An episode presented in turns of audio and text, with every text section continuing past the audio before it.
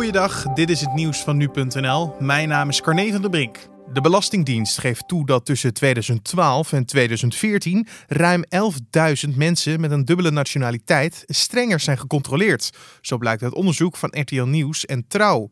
De tweede nationaliteit was in die periode voor de Belastingdienst een officieel selectiecriterium om te bepalen of er een verhoogde kans bestond op fraude, blijkt nu. Sinds de toeslagenaffaire werden al vraagtekens gezet over welke persoonsgegevens de fiscus gebruikt bij toekennen van toeslagen. De politie heeft sinds de uitbraak van het coronavirus meer meldingen van overlast gekregen. Zo blijkt uit cijfers die zijn opgevraagd door NRC. De politie moest vaker uitrukken voor meldingen van verwarde personen, zwervers en jongeren.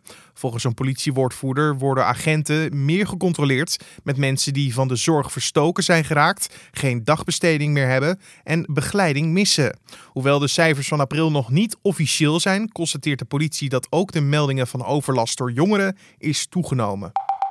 Bij een schietpartij in Rotterdam-Noord is zondagavond een persoon om het leven gekomen. Om tien uur werden meerdere schoten gehoord op de Bergse Laan. En bij aankomst trof de politie een gewonde man aan die later overleed.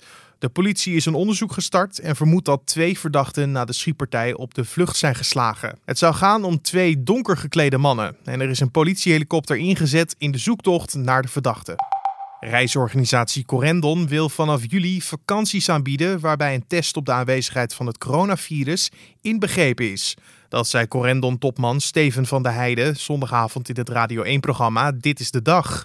Vakantie in een resort en anderhalf meter afstand, dat past niet bij elkaar, zegt Van der Heijden. Maar als je mensen van wie je zeker weet dat ze niet besmet zijn in een hotel zet, dan kan het wel. Corendon is bezig met de aanschaf van honderdduizenden coronatests. En de reisorganisatie bezit naast vliegtuigen ook een aantal all-inclusive resorts in bijvoorbeeld Turkije, Sicilië en Sardinië. Hierdoor denkt het bedrijf in staat te zijn de reiziger maximaal veiligheid te garanderen. En de organisatie is inmiddels in gesprek met lokale overheden. En tot zover de nieuwsupdate van nu.nl.